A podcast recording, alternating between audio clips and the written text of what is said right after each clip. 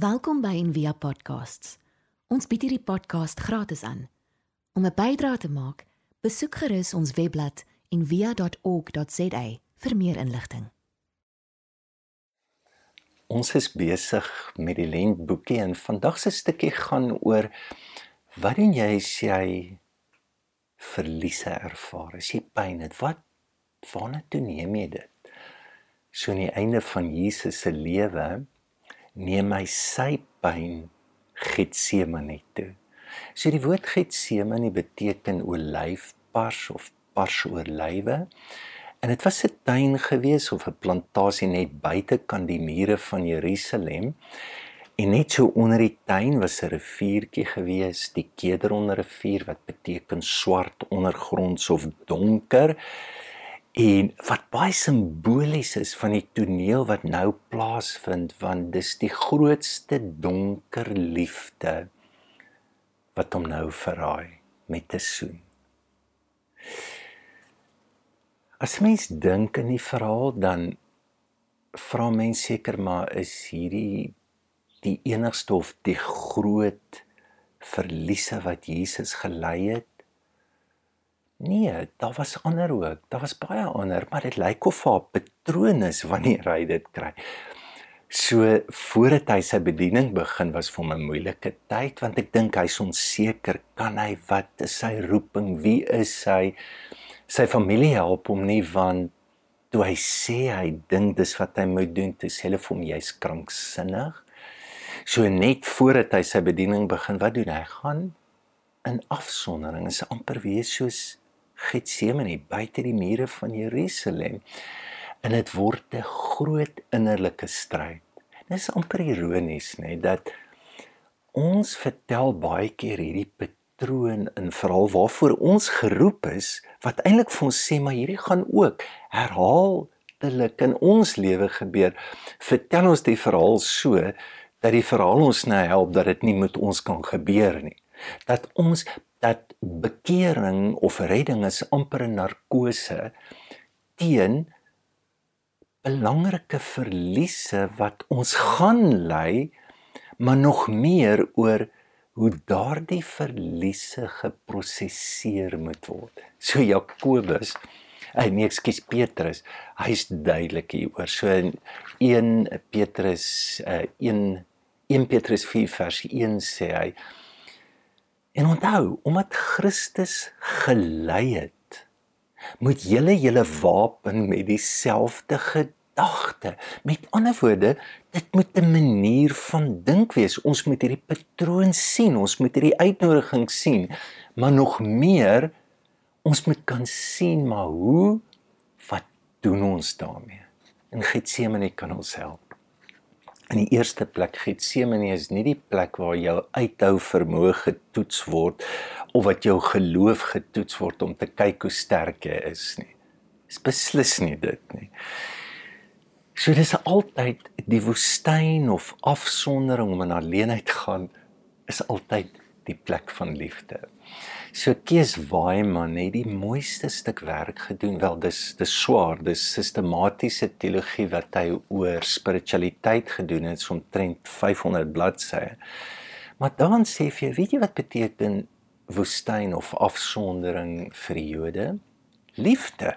So dan gebruik Hosea 2:2 daai mooi skrif. Hy sê ek onthou die geneentheid van jou jeug, die liefde van jou bruidstyd, toe jy agter my aangeloop het in die woestyn, 'n onbesaaide land. Dit is verskriklik mooi. So die ware liefde loop eintlik in die woestyn. As jy God soek, is waar jy hom gaan kry. So die woord woestyn beteken stilte, alleenheid. En jy moet onthou, die eerste 500 jaar, waar waar hoe die kerk gelyk. Gaan gaan kyk in Palestina, gaan kyk in Egipte, gaan kyk in Sirië. Dis mense wat in afsondering in die woestyn ingaan is waar daar kloosters, waar daar vestings, waar daar bymekaar kom plekke was en gesê het en wat in 'n diep die die fondasie van die geloof was kontemplatiewe geloofsgewoontes waar ek God ten diepste kry en ontdek. Jy kan maar sê in Getsemane buite die mure van Jerusalem binne die skuip van sy liefde, van hoe God harde olywe, bitter olywe in 'n vloeibare in 'n daai tyd die verstaan sou wees heling. Dit was medisyne waar liefde regtig helend word. Nou ongelukkig ons vertel Getsemane in 'n absolute godsdienstige in 'n geïdealiseerde ehm, 'n um, 'n manier wat ons regtig nie help nie. Ons sê, goed. Jesus moet bewys hy's God, hy is God, maar nou raak dit moeilik want nou neem hy die sonde van die wêreld op hom, is verskriklik moeilik. En dan gaan hy doodgemaak word en is moeilik vir hom want hy's nog 'n mens ook. So hy veg hierdie ding en is so erg dat hy bloed sweet. Maar hy sterk genoeg en daaroor wen hy. Gelukkig leer die Bybel ons nie dit nie. En is reg nie wat dit is nie. So in die eerste plek 'n tuin, kom ons begin daarby. Dis 'n argetipe. Dit is 'n beeld soos Genesis 1 met Adam en Eva. En wat is dit? Ek mis jou. Ek wil by jou wees. En dan kom God in die antwoord en dan besoek hy hulle.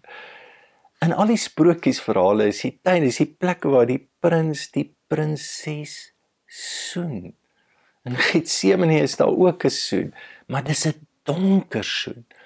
In Getsemane kan ook 'n plek word wat ons die donker kant van liefde ons lewe oorweldig. Sê dis nie Jesus wat die groot warrior is of die groot leraar is nie, hy's eintlik the great lover. En die bloed is is druppels van liefde. So kom dit of dis soos bloed sê die Bybel is dit nie interessant dat lyding en die lyding word nie net beklemtoon van hoe swaar Jesus kry. Lyding is altyd in terme van wat? Van die mense saam met hom. Van vriendskappe, van die liefde. As as jy dit nie in die lyding kan sien nie, dan mis jy dit heeltemal. En wat wat gebeur daar? Ja, dis sy dood, dis sy lyding. Maar nog meer is wat gaan sy liefde beheer en waardeur gaan sy liefde gelei word nou in sy lewe? Is dit deur die onreg wat aan hom gedoen word? Is dit mense wat hom sy eie mense vir wie hy lief is wat hom verraai? Is dit wat wat gaan sy liefde lei? Dis die stryd waarna hy is. En dan miskien net die laaste ding. Ek dink Getsemane help ons dan om hierdie ding wat so wat lei ons liefde. Dit wat ons en wat met ons gebeur moet uit ons kop na ons harte toe kom. Die een vertaling sê moet asseblief nie dat julle liefde net sentimenteel is, dis dit in jou kop is. Maar hoe hoe sink dit af? Hoe raak dit dieper? Wat bedoel ons as ons sê, "Jo, hierdie is bloedsweet sake." Wat wat wat is mos gesê dat o, hy sweet bloed beteken daar's 'n stryd. So seker soos die bars van die olywe iets iets moet gebeur. Dit is is is moeilik vir die omskakeling na die regte liefde toe. Nou die van julle wat kan onthou jare terug is daar mos so 'n reeksie 30 something dit was al hierdie liefde van mense wat 30 jaar oud is en so die een toneeltjie sit hulle in die kroeg en die ou skitrout uit 'n ring maar hy hou eerder sy arm onder die kroeg en drink hierdie kant maar dan begin hy te flirt met 'n meisietjie. En dan hou die flirtasie nou aan en aan en die mense gaan weg totdat hulle toe alleen is en dan kom die groot oomblik en sy sê hoorie ons moet ons moet tog maar bietjie kyk en dan in daai oomblik haal hy ook sy hand uit en dan sê hy oor ek is getroud. Ek moet na my vrou toe gaan. Dis die oomblik van bloedsweet. Dis die oomblik van 'n afsondering in alleenheid staan in die liefde waarvoor jy geroep is. En ek dink baie egskeidings is 'n voorbeeld van wat liefde regtig nie is nie. Al met hoeveel koppels sit wat soog nie ons net vervreemd geraak. Regtig? Was daar ooit bloedsweet ja en ek het dit verlief geraak. Ek het regtig my sil my um, ontmoet en is is nou ongelooflik. Bedoel jy daarby liefde oorrompel jou? Dis nie is nie ware liefde nie. Nee dit is nie. Liefde het sterk grense. Liefde laat jou altyd aan 'n keuse oor En dis presies wat Getsemane doen. Dit bring ons nader in ons beloftes en ons verbintenis aan liefde. Getsemane gaan dit vir jou wys en Getsemane is reeds die weerstand teen 'n oppervlakkige in 'n verkeerde liefde. Getsemane is die plek wat wat ook vir jou wys wat jy nie wil hê nie. Dis die plek wat jou laat kies die blydskap of die verdriet. Dis die plek van laat gaan en dis hoekom Jesus sê laat laat hierdie goed net verbygaan. Laat laat dit op 'n manier oorgaan. En ek en jy het 'n plek in ons wat dit nie wil doen nie. Ek en jy het 'n plek in ons wat nie wil huil nie. Ek en jy het 'n plek in ons wat nie verraai wil word nie. Ek en jy het 'n plek in ons wat nie in alleenheid en afsondering wil gaan met ons verliese nie. Ons wil eerder praat daaroor. Ons wil obsessief raak daaroor. Ons wil angstig raak. Ons ons wil hierdie ding wat ons moeilik voorantwoord het, ons wil dit eerder in ons koppe probeer uitwerk. Angstig en obsessief sukkel met dit. Dis is wat ons eerder wil doen. Nou dit beteken nie as ek sê maar ons verliese moet in ons hart dink, dit beteken nie dat ons skiep ons kop nie, ons, ons dink daaroor. Maar eintlik al wat dit beteken is hoe sinkroniseer ek my kop met my hart? Hoe hoe kom dit by mekaar? Want op 'n manier ons koppe wil vashou en dit wil ons trane blok en in hoe doen ons dit? Deur dit te rasionaliseer. Ek gee redes. Ek blameer. En en ek ken nie ek erken nie my eie pyn, my eie swakheid, my eie hulpeloosheid. Want hier is die ding hoe meer sensitief en eerlik is is oor wat is, hoe vinniger sien ek ook my eie beperkings. Wanneer ek dit kan sien, is dit vir my makliker om in te kan gee en oor te kan gee aan die trane wat daar is. En wat doen trane? Maak ons hart sag. Trane is maar soutwater. Dit verbind ons weer terug aan seker die oseaan wat God is, die oorsprong van lewe. En dit boor die verstoppings oop, die die moeilike greep wat ons soms verloor op ware lewe dit dit maak dit oop. En is die groot ding as die woestyn sy werk gedoen het in jou. Dan kom die engele en hulle maak ons sterk. Dit is baie beter om jou pyn eerder te voel as om daaroor te dink en dit te probeer uitwerk is baie beter om te huil eerder as om oor te gee in angs.